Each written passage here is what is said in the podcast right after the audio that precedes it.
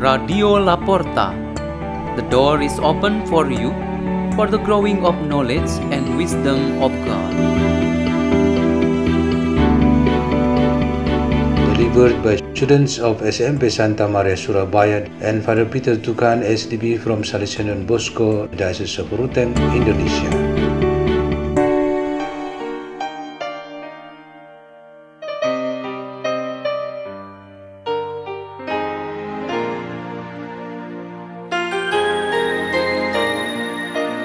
Readings and meditation on the Word of God on the 20th Sunday in Ordinary Time, 20 of August 2023.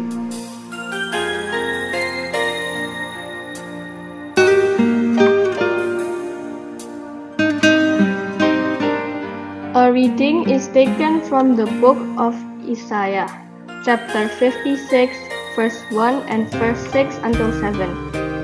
Thus says the Lord Observe what is right, do what is just, for my salvation is about to come, my justice about to be revealed. The foreigners who join themselves to the Lord, ministering to Him, loving the name of the Lord, and becoming His servants, all who keep the Sabbath free from profanation, and hold to my covenant. Them I will bring to my holy mountain and make joyful in my house of prayer. Their burnt offerings and sacrifices will be acceptable on my altar, for my house shall be called a house of prayer for all people. The word of the Lord.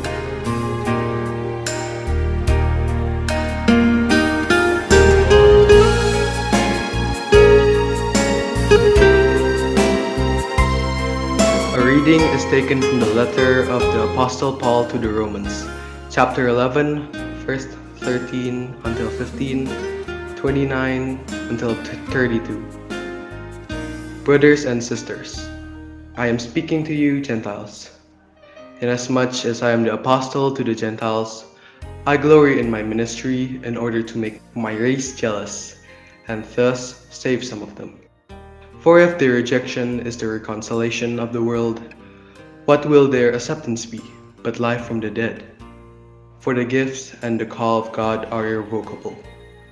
Just as you once disobeyed God, but have now received mercy because of their disobedience, so they have now disobeyed in order that, by virtue of the mercy shown to you, they too may now receive mercy. For God delivered to all to disobedience that he might have mercy upon all. The word of the Lord.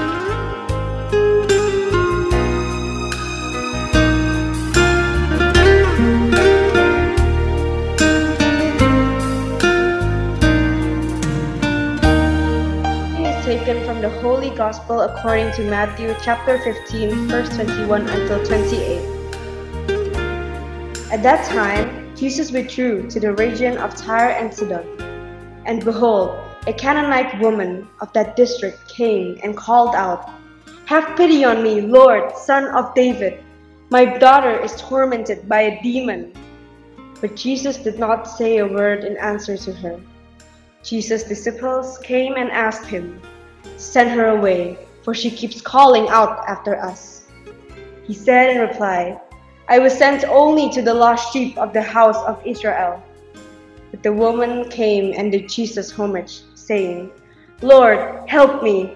He said in reply, It is not right to take the food of the children and throw it to the dogs. She said, Please, Lord, for even the dogs eat the scraps that fall from the table of their masters. Then Jesus said to her in reply, O woman, great is your faith. Let it be done for you as you wish. And the woman's daughter was healed from that hour.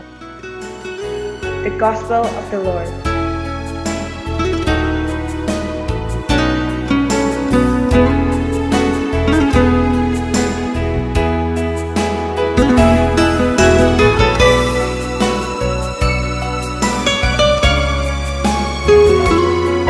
Our meditation on this 20th Sunday in Ordinary Time has the theme Our Faith is Tested. We, as members of the Catholic Church, are people who believe in Christ. The formal sign is that we have been baptized. as members of the Holy Church and have rights and obligations as followers of Christ. We are made up of members of the Church who were baptized as children and who have just been baptized as adults. Some have only been a member of the church for a year or a few years, while others have been there for longer. God Himself gives the test through His various available instruments, such as His Word, sacred activities, church services, teachings, faith formation, and deepening knowledge on divine wisdom, and church social activities.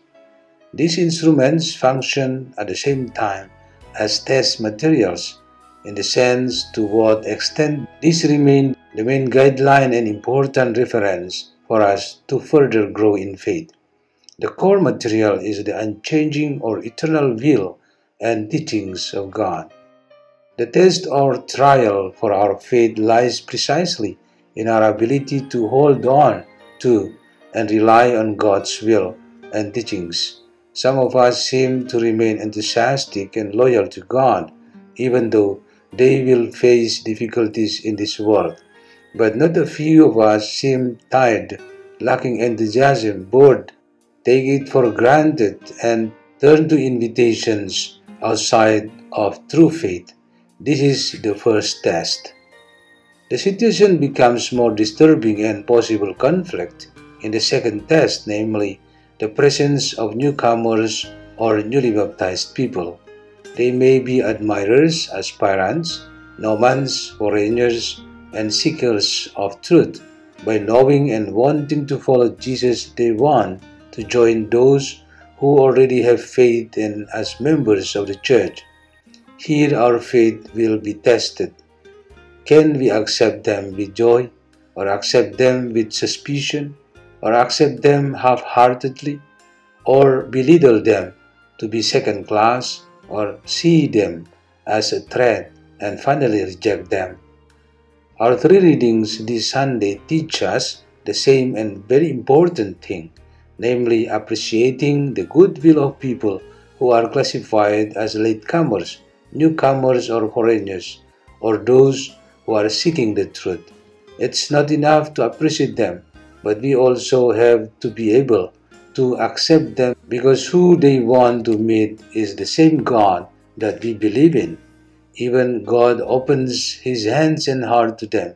So why can't we accept them? Let's pray. In the name of the Father, and of the Son, and of the Holy Spirit, Amen. Through the holy celebration this Sunday, O Father Almighty, May we be filled with gratitude and joy to always strengthen brotherhood and togetherness as people of faith, followers of your Son Jesus Christ, so that our lives will become genuine more and more in the unity in your kingdom. Glory to the Father, and to the Son, and to the Holy Spirit, as it was in the beginning, is now, and ever shall be, world without end. Amen. In the name of the Father, and of the Son, and of the Holy Spirit. Amen. Radio La Porta. The door is open for you.